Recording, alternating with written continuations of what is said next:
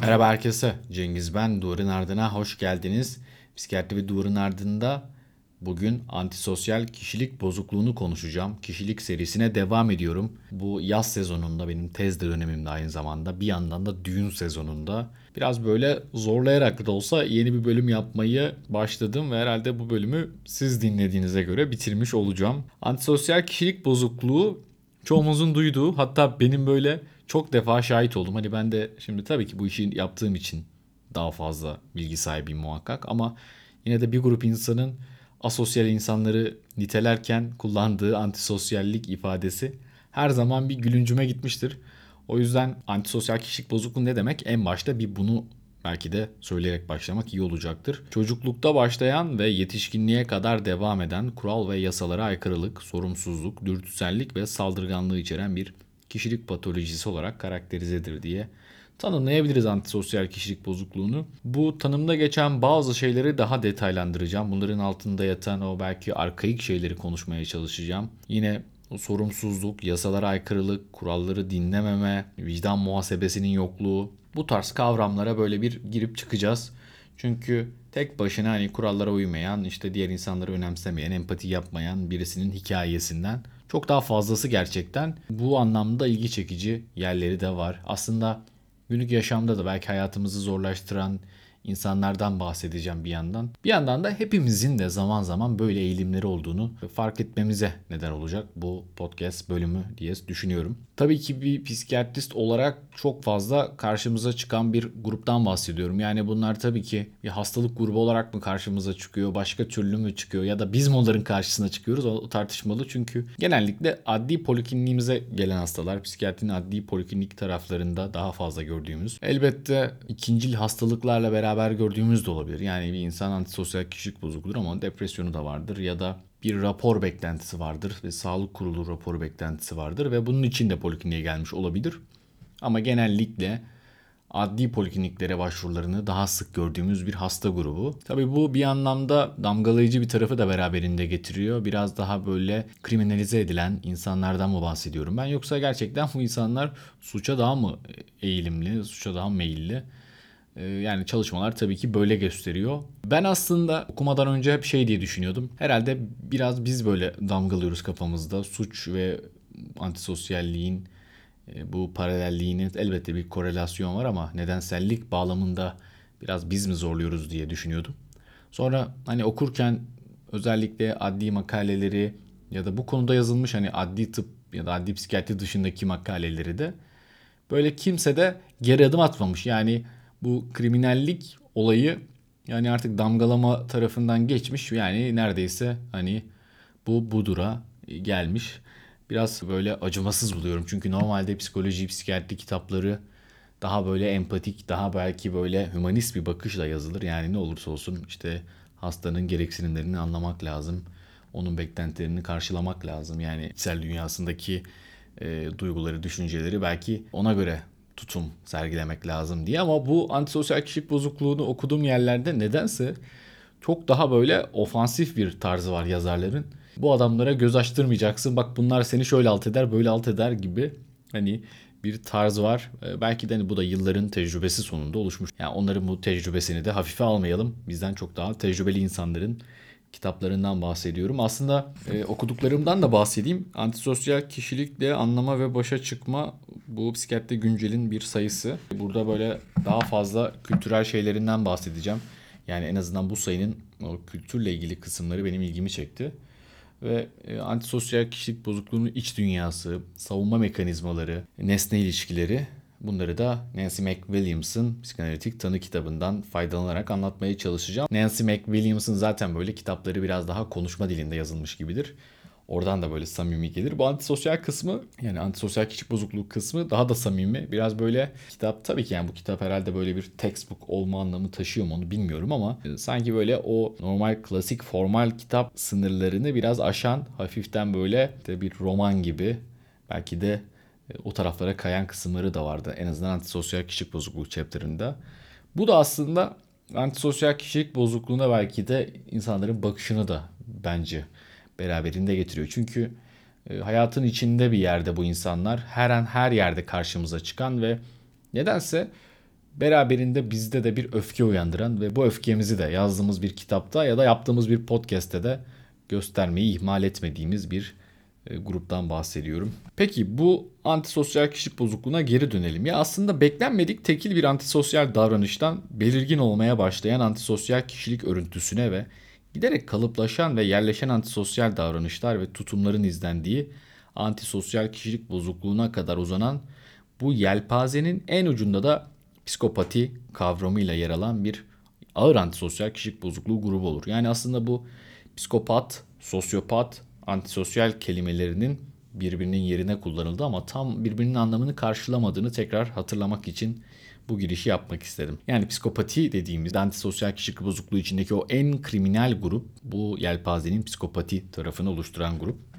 Onun dışında hepimizin tekil bazı antisosyal davranışları olmuş olabilir. Yani bir insanın tek başına bir belirtiyi göstermesi ya da bir grubun özelliğini taşıması onu o yapmaz ama e, yine de hani hayatımızın içinde de böyle e, davranışlarımızın olduğunu hatırlamak gerekiyor. Geçmişten bugün antisosyal davranışlar ve kişilik örüntüleri bazen antisosyal, bazen disosyal, bazen de psikopati gibi değişik terimlerle tanımlanıyor. Avrupa'da 19. yüzyılda Pinel psikopatik bireyi çılgın ama delirium olmayan, karakteristik bir kontrol eksikliği olan ve tam bir vicdansızlık ile karakterize davranışı olan bireyler olarak tanımlar. Tabi Pinel bu vicdansızlık kavramını söylediğinde henüz süperego icat olmamıştı. Tabii ki vicdan süperegodan çok daha öncesinde bilinen bir şey ama daha sonra psikanaliz bunu süperego olarak belki de revize etti. Yani tam tamın onu karşılamaz ama Nancy McWilliams da süperego yerine vicdan diyebiliriz diye ifade ettiği için de söylüyorum. Vicdan ve vicdan muhasebesi, vicdansızlık, antisosyal kişilik bozukluğu olan bir şey. Ben bunu hani arkadaşlarımla da e, tartıştığımda yani bu adamların vicdanı yok mu? Vicdanlarının sesini mi kısabiliyorlar? Herhalde bu ikisinin farklı şey olduğunu düşünüyorum. E, çünkü yani herkesin vicdanı olduğunu düşünüyorum ben ama vicdanının sesini dinleme o evet belki karakterle değişen bir şey olabilir. Tabi zaman ilerledikçe bu terim popülerlik kazanıyor. DSM'de kılavuzlarda kendine yer buluyor. 1914 yılında Kraepelin antisosyal eylemlerde bulunmalarına yol açan mental ve kişilik belirleyicilerinde önemli farklılıklar gösteren antisosyal bireylerin alt tiplerinin olabileceğini ileri sürüyor. Bu kısım da önemli. Aslında tabii ki Kraepelin çok iyi bir tasnifçi. Yani bir şeyi sınıflandırıyorsa, alt kategorilere koyuyorsa bunu gerçekten çok güzel bir şekilde yapıyor. Antisosyal kişilik bozukluğunu da çeşitli alt gruplara koyuyor. Aslında bugünkü psikiyatrinin bir anlamda en büyük çıkmazlarından bir tanesi tanı kriterlerini çok geniş bırakmak. Yani neredeyse sokaktan geçsek ve elimize kılavuzu alsak herkese bir tanı uydurabiliriz. Çünkü çok geniş bırakmışız. Yani dışarıda kimse kalmasın diye ya da işte bu belirtilerin bazılarını atlamayalım diye insanları yakalamak adına, tedavi etmek adına. Ama bu biraz sanki böyle sınırları zorlamış gibi. O yüzden bazen bu sınıflandırmaları iyi yapmak, bazen o tanı ölçütlerini daraltmak gerekiyor. Krapelin daraltmamış olsa da bunların alt sınıfları olabileceğini söylemiş. Mesela antisosyal kişilik bozuklukları için. Bunlardan dürtüsellik nedeniyle antisosyal davranma eğilimli bireylere dürtüseller demiş duygusuz ve ahlak duygusu olmayan kişiler için doğuştan suçlular demiş ve dramatik ve duygusal olarak dengesizler için eksiste kişiler demiş ve hani aslında bu alt tipler de günümüz çalışmalarında da hala incelenen alt tipler. Birazdan yine bazı alt tiplerden bahsedeceğim. Bu doğuştan suçlular kısmını belki hani otomatik portakalı okuyan ya da filmini de izleyen insanlar hatırlayacaktır. Yani ne yapılırsa yapılsın sanki bazı insanların ıslah edilmesi mümkün değilmiş gibi Krapelin de 1900'lü yıllarda sanki bazı insanların doğuştan suç işlemeye meyilli olduklarını ve ne yapılırsa yapılsın yani cezaevine koymak, hastaneye yatırmak, tedavi etmek gibi girişimlerde bulunsak da sanki bunların ıslah olmayacağına inanıyormuş. Biraz tabii ki pesimist bir bakış ama Krapel'in düşündüyse bir bildiği vardır diye düşünüyorum. Harvey Clackley 1941'de psikopatili bireyleri duygusal derinliği daha sığ olan antisosyal ve bazen şiddet içeren davranışlarda bulunan büyüleyici, zeki bireyler olarak tanımlamıştır. Bence bu tanım da önemli. Yani bu özellikle beyaz yakalı antisosyaller için, başarılı antisosyaller için oldukça önemli bir tanım.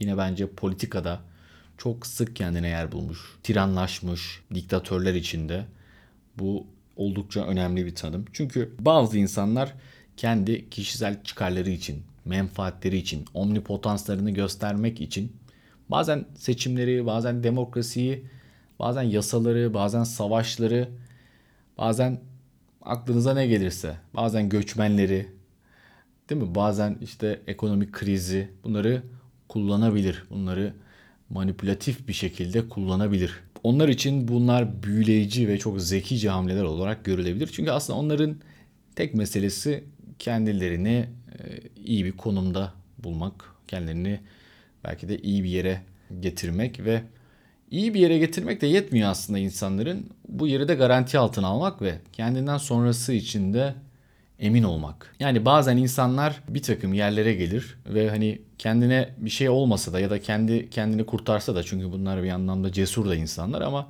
onun çocuğuna bir şey olur.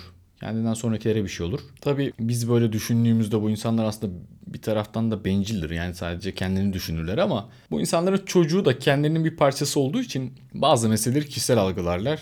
Ve hani bu pek çok zaman karşımıza çıkan bir şey. Yakın zamanda Türkiye'nin gündemini meşgul eden meselelerde de bunları görürüz. Yani evlatlar, çocuklar bu insanlar için çok önemlidir. Ama başkasının evlatları, çocukları o kadar önemli olmayabilir. Hani bunlar da böyle evlatların çocuklarını böyle çok mu seviyorlar? Gerçekten çok mu onlara böyle sevgi gösteriyorlar? Ondan emin değilim ama o tüm güçlülüklerini test ettikleri aşamada bazı insanlar yani evlatlarıyla, aileleriyle başka türlü o zaman bu reaksiyonu hızlıca verebiliyorlar. Theodor Milon o daha modern zamanların kişilik bozukluğu çalışanlarından bir diğeri. O da antisosyal kişilik bozukluğu için 5 alt tip öneriyor. E, bunlar göçebe antisosyaller, maceracı, gezici, serseri gibidirler. Tipik olarak zor durumlarda dürtüsel davranırlar ve yeni koşullara kurnaz bir şekilde uyum sağlarlar. Bilmiyorum bazı böyle işte evsiz, bazı gezgin insanlar vardır. Hani görmüşsünüzdür. Bunlar onun altına girer mi bilmiyorum ama Mesela çok şaşırırız. Yani belki de biz o klasik hayatların içine sıkışmış insanlar olarak bu konvansiyonel yaşamı benimsemiş insanlar olarak şaşırırız. Hani neden bir evin yok? Neden bir işte çalışmıyorsun? E, neden etrafındaki insanlar sabit değil? O süreklilik arayışı, o devamlılık arayışı belki biz klasik insanlarda çok yoğun ama bazı insanlar için de çok umursadıkları bir şey değil. Yani onlar böyle şeyleri çok önemsemiyorlar. Hani bunu böyle çok da iddialı bir şekilde söylemiyorum. Acaba bunlar o grupta mı diye sadece speküle ediyorum. Kötücül antisosyaller sadist, acımasız, intikam arzulu, korkusuz ve duygusal tipler olup seri katiller, tehlikeli suçlular bu tipe girer. Tabi yani bu bütün işte o Ted Bundy'ler, Kuzuların Sessizliği, Anthony Hopkins'in oynadığı karakter, aklınıza gelen birçok seri katil kötücül antisosyaller olabilirler. Yani gerçekten çok sadistik bir şekilde ve intikam arzusu olduğu söyleniyor burada ama bazen intikam arzusu bile olmaz. Yani birisini sırf öylesine de öldürmek için öldürdükleri olur. Hırslı antisosyaller düşmanca ve otoriter, kıskanç, hırslı, zevk alma ikisi ön planda olan tiplerdir. Hani bu da işte savaşta her şey mübahtır diyen insanlar. Bakın mesela geçenlerde bir maraton yarışında o su şişelerini deviren insanın o, o anki hamlesi görmüşsünüzdür belki ben de ya da söylediğimde bakabilirsiniz. Yani bir grup insan bir maraton koşuyorlar.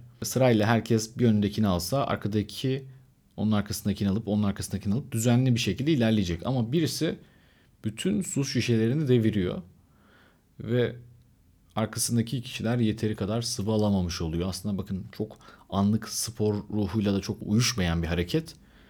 Ee, insanın o o anki o dürtüsel hareketi belki o işte o antisosyal bir tekil davranışı karşımıza çıkarabiliyor. Ha, bu insan kişilik bozukluğu mudur? Psikopat mıdır? Hasta mıdır? Bu değil ama hayatın her anında böyle bencillikler karşımıza çıkabiliyor. Risk alan antisosyaller korkusuz, cüretkar, pervasız, dikkatsiz, cesur tipler olup tehlikeli girişimler peşinde koşarlar. Aslında bu Nancy McWilliams'da da geçen bir yer.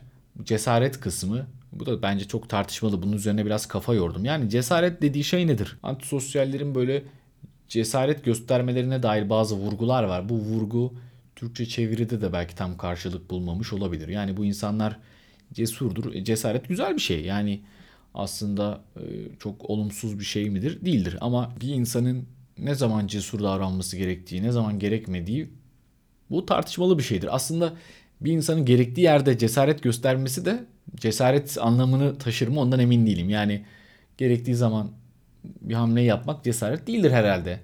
Cesaret şartlar olgunlaşmadığında, riskler olduğunda bazı davranışları sergilemektir. O yüzden bilmiyorum cesaret antisosyallerin bir özelliği midir ya da bizim kafamızdaki cesaretle antisosyallerinki aynı mıdır? Ondan emin değilim. Ben antisosyallerinkini biraz daha gözü karalık olarak değerlendiriyorum. Yani bu terminoloji tam anlamıyla İngilizceden bize geçtiği haliyle cesaret anlamını taşımayabilir. Biraz daha böyle çok etrafta olup biten şartları tahlil etmeden daha dürtüsel, daha fevri bir şekilde davranıp gözü karalık göstermeyi cesaret olarak kabul ediyorum. Yoksa cesaret denilen şey tabii ki hani bu sosyal bir fenomen. Bunu tekil olarak buradan çıkardığımızda e, birçok işte halk kahramanı, birçok direnişin önderi onlar da cesaret gösteriyor. Buradaki cesaret bir toplumun ideolojisiyle birleştiğinde biraz daha o bireysel bir amacın dışına çıktığında, bir grubun amacına hizmet ettiğinde kıymetli bir şey oluyor ama tabii tekil bir şeyin amacına hizmet ettiği zaman antisosyal kişilik bozukluğunun özelliği olarak değerlendirilebilir. Bir başka alt grup Theodor Milon'un söylediği ün düşkün antisosyaller yanılmaz, kırılmaz, rahatsız edilemez, müthiş, dokunulamaz olarak düşünülmek isteyen, durum sorgulandığında uzlaşamayan aşırı savunucu tiplerdir.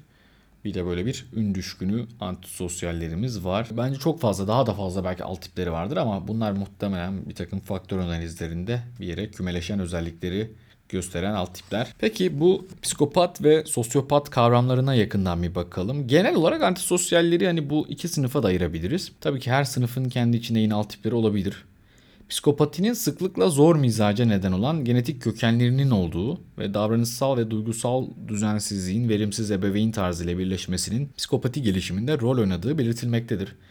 Bu serotonin transporter bilmem ne geninde bilmem ne varsa falan yine dopaminle de ilgili hipotezler var. Ben o genetik açıklamaları okumayı çok sevmiyorum. Onları okurken çok sıkıcı buluyorum. Burada anlatmak da bilmiyorum ne kadar ilginizi çeker. Onun dışında sosyopati ise kötü ebeveynlik ve ihmal gibi çevresel etmenler nedeniyle belki de kalıtsal mizaç problemleriyle birlikte gelişmektedir. Yani o Kraepeli'nin doğuştan suçlular dediği tarafla bu psikopati birbirine uyuyor. Yani ikisi de sanki doğuştan ve genetik vurgusunu çok ön plana koyuyorlar. Sanki bir grup var ve onlar bir suç makinesi. Tabii bu çok damgalayıcı bir şey. Yani bir şeye genetik bir anlam yüklediğinizde ve çok büyük bir suçluluk üzerine yıktığınızda yani ne yapalım mesela bu insanları doğumdan itibaren takip mi edelim? Bunlar bayağı etik problemleri beraberinde getiriyor. E, psikopatiyi birincil ve ikincil olarak alt tiplere ayıran Karpman'a bakalım. Her iki alt tip de suçluluk ve empati eksikliği, duygusuzluk ve antisosyallik gibi tipik özelliklerin çoğunu paylaşmaktadır diye söylüyor. Birincil psikopati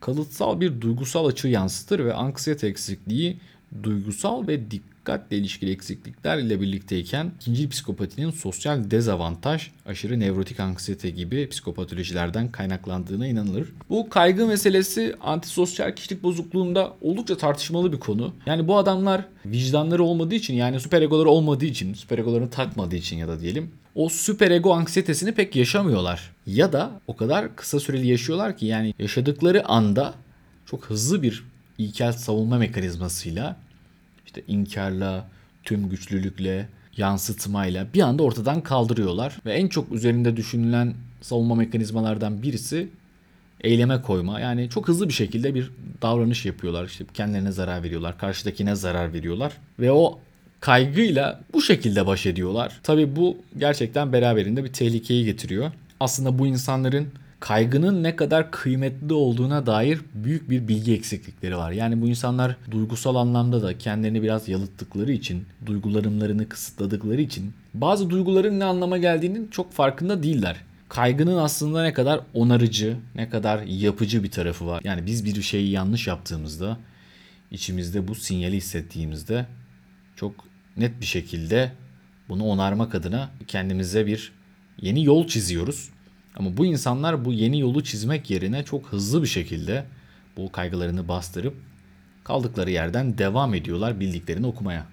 Psikopat tanısı konmuş kişilerde otonomik sinir sisteminin tepki verimlilik düzeyleri genellikle düşük sonuçlar vermiş. Bu bulgu psikopatik kişilerin yüksek düzeyde uyaran arayışına girmelerini ve bir türlü deneyimlerinden bir şey öğrenememe durumlarını açıklayan bir bulgu olarak karşımıza çıkmış. Yani bu uyaran arayışı hani dikkat eksikliği ve hiperaktivite bozukluğunda da söylenen bir şeydir. Yani uyaran eksikliği olur. Bu çocuklara uyaran vermek lazım. Psikostimülanlar kullanılır.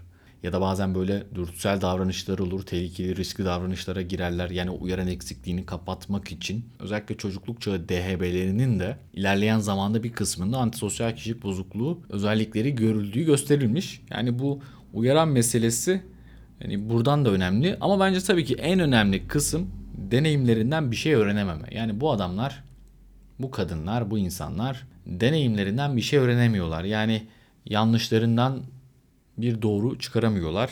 Ve bu psikopat kişiler canlı ve iyi hissetmek için daha keskin, daha sarsıcı deneyimlere ihtiyaç duyuyor. Yani hani bu olmadı daha da keskin, daha da uçlara götüreyim diye düşündükleri oluyor. Sosyopatik kişilerin yaşadıkları başlıca duygulara gelirsek, bu kişilerin duyguları dile getirme yeteneğine sahip olmamalarından dolayı bunları açıkça belirtmek zor. Antisosyal kişiler konuşmak yerine eylemde bulunurlar. Yani o yine hem ilkel bir savunma mekanizması eyleme koyma hem de belki de o duygusal ifade yoksunluğunun bir çıktısı. Yani bazen böyle çok kör bir hınç ya da bazen bir manik coşkuyu karşımızda görürüz. Bu ağır bir duygulanım tıkanıklığını da bize gösterir. Tabii bununla da ilgili çok fazla tartışmalı konular. Yani bu insanlar acaba ailelerinde lisanla ilgili, iletişim kurmakla ilgili eksik veya yanlış mı bilgilendirildi? Yani bazı ailelerde konuşmak sadece karşındakini alt etmek içindir. De bazı insanlar için böyledir. Yani birisini konuşarak alt etmen lazım. İşte o tatlı dil yılanı deliğinden çıkarır atasözüne de şöyle dönüp bir bakalım. Hani sen bir şeyi güzellikle söylersen yılanı bile ikna edersin. Ama dil sadece bunun için mi var? Yani birisini ikna etmek, birisini manipüle etmek, olmaz denilen şeyi oldurtmak için mi? Ya da işte siyasette de değil mi? Çok önemli bir şey yani işte birilerini sırf ikna etmek, kandırmak, bir yola sürüklemek için mi var? Aslında lisan bundan çok daha fazlası. Yani bizim duygularımızı ifade etmemiz için, hislerimizi karşımızdakiyle paylaşmak için. Bu yüzden aslında çok fazla kelime var. Yani biz duygularımızı belki de daha iyi ifade edelim diye. Ama bu kelimelerin bolluğu, cümleler birisini ikna etmek, manipüle etmek için mi? Sanki bizim kültürümüzde de buna dair bazı göndermeler var. Oysa konuşmak sadece hislerimizi paylaşmak için de olabilir. Ama bu çocuklar hem o sosyal öğrenme kuramlarıyla da açıklayabiliriz hem de işte o e, genetik bir takım yatkınlıklarla da açıklayabiliriz. Konuşmayı karşıdakini alt etme, manipüle etme olarak görürler ve bu yüzden de konuşmak onlar için sadece hani yalan söylemekten ibaret olabilir. Karşıdakini manipüle etmekten ibaret olabilir. Yani kendi hislerini anlatmak pek de konuşmakla olabilecek bir şey değil. Zaten bazı duyguları yaşamak onlar için bir zayıflık göstergesi. İnsanlara kendini aşmak bir zayıflık göstergesi. Psikopatik kişilerin kullandığı temel savunmacı mekanizma tüm güçlü kontroldür. Bu kişilerin kendi güçlerini dayatma ihtiyaçları başka amaçların önüne geçer. Bu ihtiyaç onları utanç duygusuna karşı korur ve özellikle acımasız psikopatlarda suç işleme eğiliminin çoğu kez altında yatan cinsel sapkınlıkları başkalarının görmelerini engeller. Sosyopatlardaki vicdan eksikliği kusurlu bir süperegonun kanıtı olmasının yanı sıra başka kişilerle birincil karşılıklı bağlanma deneyiminin bulunmamasının da bir kanıtıdır. Antisosyal kişi için başka kişilerin değeri yararlılıklarına indirgenmiştir. Yani çok daha pragmatik bir şekilde insanlara değer verirler. Yani antisosyal kişilerin kendi nüfuzlarını kullanmalarına imkan veriyorsa bu kişiler evet o zaman değerli olabilirler. Psikopatik kişiler kendilerini takip edenlerin onun gücünden etkileneceklerini düşünürlerse çevirdikleri dalaverelerle, sahte zaferleriyle ve üç kağıtçılıklarıyla ilgili açıkça övünmeye başlarlar. Bu süreçte bilinç dışı olan hiçbir şey yoktur artık. Yani bu düz bir şekilde söylersek utanmazca, hayasızca yapılan bir şeydir. Hani bu kişilerdeki o utanmazlık öyle bir hal alır ki İnsan konuşurken ya da izlerken, görürken şahit olduğunda bir olaya gerçekten midesi bulanabilir. Yasalara uygulayan failler suçluların bir cinayeti kolayca itiraf etmeleri ama öbür yandan daha hafif suçları, cinsel bazıları bir cinayet kurbanının çantasından para çalmayı saklamaları karşısında şaşkınlığa düşerler. Ya da mesela adam işte uyuşturucu ile ilgili şeyleri söylerken hayır asla gibi der. Ama bütün cinayetleri çok net bir şekilde açıklar. Yani psikopatik kişiler bu ikinci gruptaki suçları zayıflık olarak görürler. Hani birilerini öldürmek adam kesmek, racon kesmek zayıflık değil bir güç göstergesi ama işte bir cinsel bir taciz, hırsızlık, uyuşturucu satmak onlar için zayıflık gibi. Kerberg psikopatın habis büyüklenmecilik özelliğinden bahseder. Bu özellik sosyopat bir kişinin terapiyi sabote ederek sadistik şekilde terapisti yenmesine tanık olmuş herkes için geçerlidir. Yani antisosyal kişilik bozuk olan birisini terapi masasına oturttuğunuz anda orada mesele şuna dönüşür. Hani kim kimin sinirlerini alt edebilecek, kim kimi zapturapt altına alacak. Çok zordur o yüzden terapisi. Genellikle de dropoutlar çok sık görülür. Ve antisosyal kişilik bozukluğunda disosyatif deneyimler çok fazla karşımıza çıkar. Hepimiz bu haberleri görmüşüzdür ya da çevremizde de bazı şeylere tanık olmuşuzdur. Bir cinayet sonrası örneğin işte sadece tartışıyorduk gibi gibi bir şeyler söyler ama bir bakmışsınız aşağı atmış adam. Ya da işte küçük bir tartışma yaşandı aramızda der ve yanında işte örneğin karısı kız arkadaşı gelir ağzı burnu dağılmış. Onun için küçük bir tartışmadır. Zaten ne olup bittiğini hatırlamıyordur da. İşte bilmiyorum kendime geldiğimde böyle olmuştu falan der. Yani o andan uzaklaşmıştır, disosiye olmuş, çıkmıştır o anın içinden.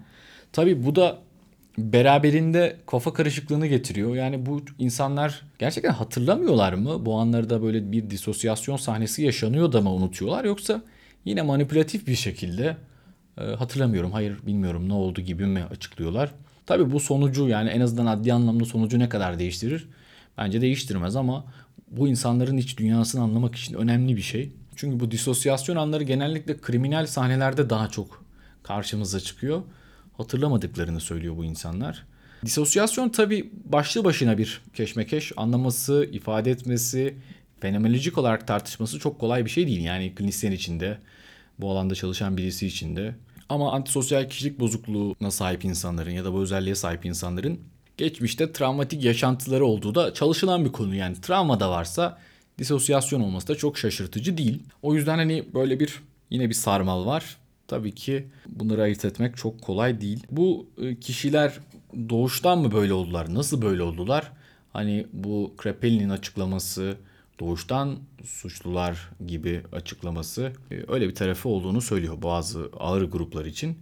Bir yandan da çocuğun yetiştirme tarzıyla da ilişkili olduğunu söyleyenler var. Katı disiplin ile aşırı şımartma tutumlarının çocuğu şaşırtan şekilde iç içe geçmiş olarak uygulandığı belirtilmiş bazı sosyallerin geçmiş tarihçilerindeki araştırmalarda.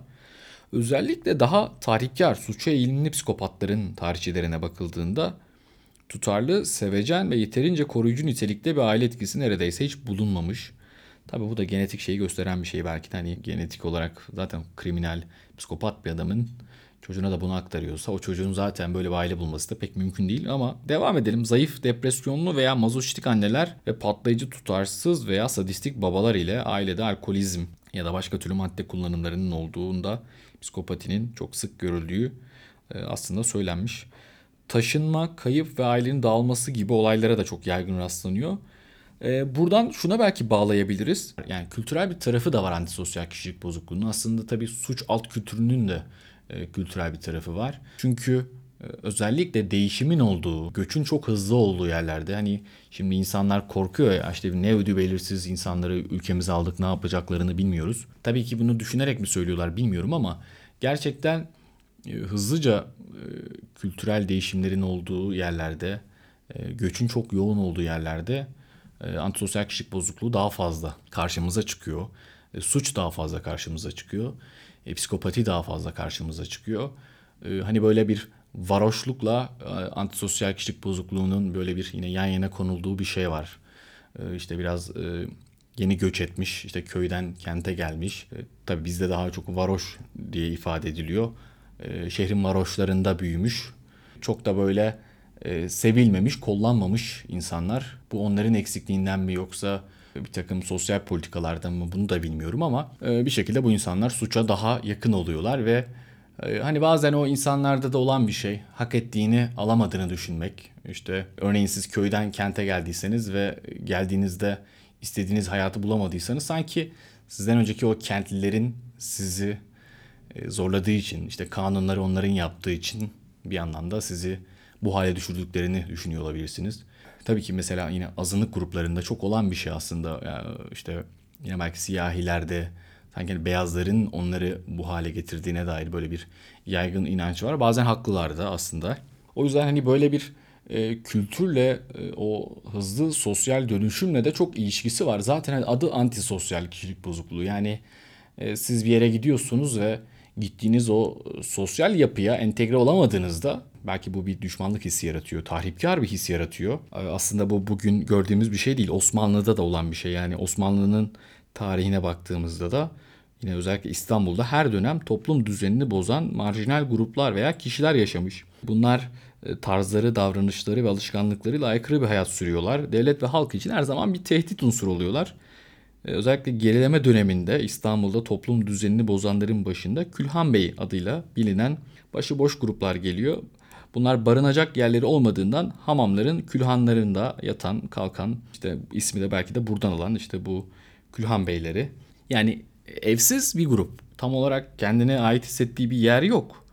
Ee, ve bu bir anlamda hani yine Osmanlı'da işte başı bozuklar da deniliyor.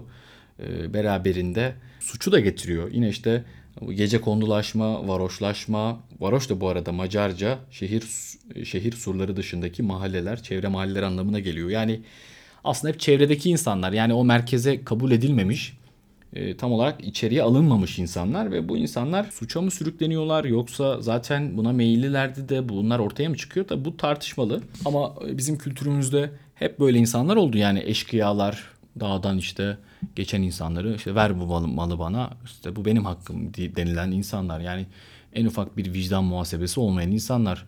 Ee, ya da magandalar adam kafasına göre silahını çekip çat çat çat çat yukarı sıkabiliyor. Ya da işte trafikte road raver bu hızlıca arabayı kenara çekip üstüne yürüyen işte sana yumruk atan işte benim önüme kırdın o yol benim hakkımdı diyen ve hani bunu çok büyütebilen engellenme işi çok düşük insanlar.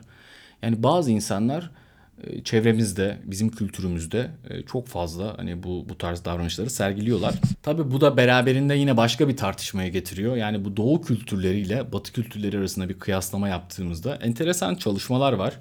Doğu kültüründe antisosyal kişilik bozukluğunun daha az olduğunu iddia eden çalışmalar var. Bunu da şöyle açıklıyorlar. Hani baba figürü daha o patriarşal düzende e, babanın otoritesi, onun işte onun koyduğu kurallara uyum bu bir anlamda e, otoriteyle o ilişkiyi güçlendiren ve e, uzun vadede işte yasalarla arası iyi olan kanunlara, nizama uyan birisine mi büyütüyor? Bunun böyle olmadığını iddia edenler de var. Aslında doğu kültürlerinde büyüyen insanların sadece bunu maskelemeyi öğrendiklerini iddia edenler var. Buna ben katılıyorum aslında. Bana böyle çok doğudaki insanların daha uyumlu, daha işte kuralları ıı, sayan bir yapıda büyüdükleri gibi gelmiyor şöyle geliyor yani batıdaki kuralları hiçe sayma şeyiyle doğudaki kuralları saymama arasında fark gibi. Yani biz kırmızı ışıkta geçiyoruz.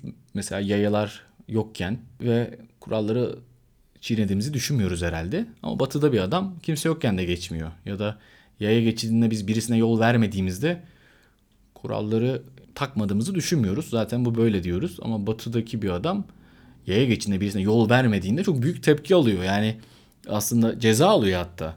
Belki de o adama antisosyal kişilik bozukluğu tanısı konuyor ama bize konmuyor çünkü e, işte biz bizde zaten böyle diye. Yani o kurallara bakış, hukuka bakış, adalete bakışla da bence çok alakalı. Bizde tabii kurallar, örf, adetler kadar belki önemli değil. E, bugün bir haber gördüm birisi haram kanunda haram yazan bir şeyle tutuklanmış mı, gözaltına mı ne alınmış. Batı tabii daha böyle kanunlarla, kurallarla idare ediliyor. Doğuda biraz daha örf adet, gelenekler ön planda.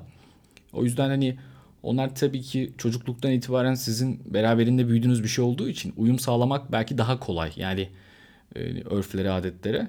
E, o yüzden hani eğer normlarımız oysa doğu kültüründe bu tarz şeylere uymak daha kolay oluyor ama daha böyle evrensel kurallara baktığımızda onlara batılıların uyduğunu söylemek daha mümkün. Tabii her zaman sadece kurala uymak, uymamak üzerinden bir antisosyallik şeyi olmayacak ama bu benim de düşündüğüm bir şey aslında. Yani gerçekten kurallara uymak, uymamak nerede daha fazla az. Ee, podcast çok uzadı. Aslında ne kadar da çok konum varmış. Hani böyle önümde bir sürü sayfalar, notlar, alt çizilmiş yerler de var. Ama böyle birkaç yerde belki çok uzattım. Aslında hani tartışmanın belki de can alıcı yerleriydi diye. Daha fazla da konuşulabilir. Belki adli tarafları biraz daha konuşulabilir. Bazı vakalar konuşulabilir. Ben de böyle yapıyorum ya bu podcast'i burada bırakalım buna bir gün devam ederiz diye ama genellikle dönmüyorum. E, bu da benim ayıbım. E, herhalde o işte ikinci, üçüncü bölümleri yapmak bir konu hakkında ilk zamanki heyecanı vermiyor. Yani anlatana da dinleyene de. Ama antisosyal kişilik bozukluğu, psikopati, sosyopati ve bence çok önemli konular. Hani sosyoloji açısından, hukuk açısından, psikiyatri ve psikoloji açısından da. E, umarım bu kaydı böyle çok güzel bir seyahatin bir yerinde dinliyorsunuzdur ya da güzel bir yere giderken, güzel bir tatile giderken dinliyorsunuzdur. E, ben çok fazla yolculuk yapıyorum bu ara ve gerçekten dinleyecek bir şey bulmak çok kolay olmuyor. E, o yüzden hani umarım siz dinleyecek bir şeyler buluyorsunuzdur. Dinleyecek bir şeyler bulamıyorsanız ben size bir öneride bulunabilirim. Siyaset felsefesiyle özellikle ilgileniyorsanız Pandora Felsefe YouTube kanalını. E, onlarla da böyle bir ilişkin falan yok. Öyle hani tamamen böyle bir e, anlık bir favor. E, Pandora Felsefe'nin Yale Üniversitesi'nden Türkçe dublajıyla yaptığı siyaset felsefesi dersleri var. E, bence oldukça güzel dersler. Onları dinlemenizi önerebilirim. Yani çok sıkıldıysanız benim gibi yollarda geçiyorsa vaktiniz. E, psikiyatri ve duvarın ardına kaldığımız yerden Eylül ayında tezim izin verdiği müddetçe devam etmeye çalışacağım. Kendinize iyi bakın. Hoşçakalın.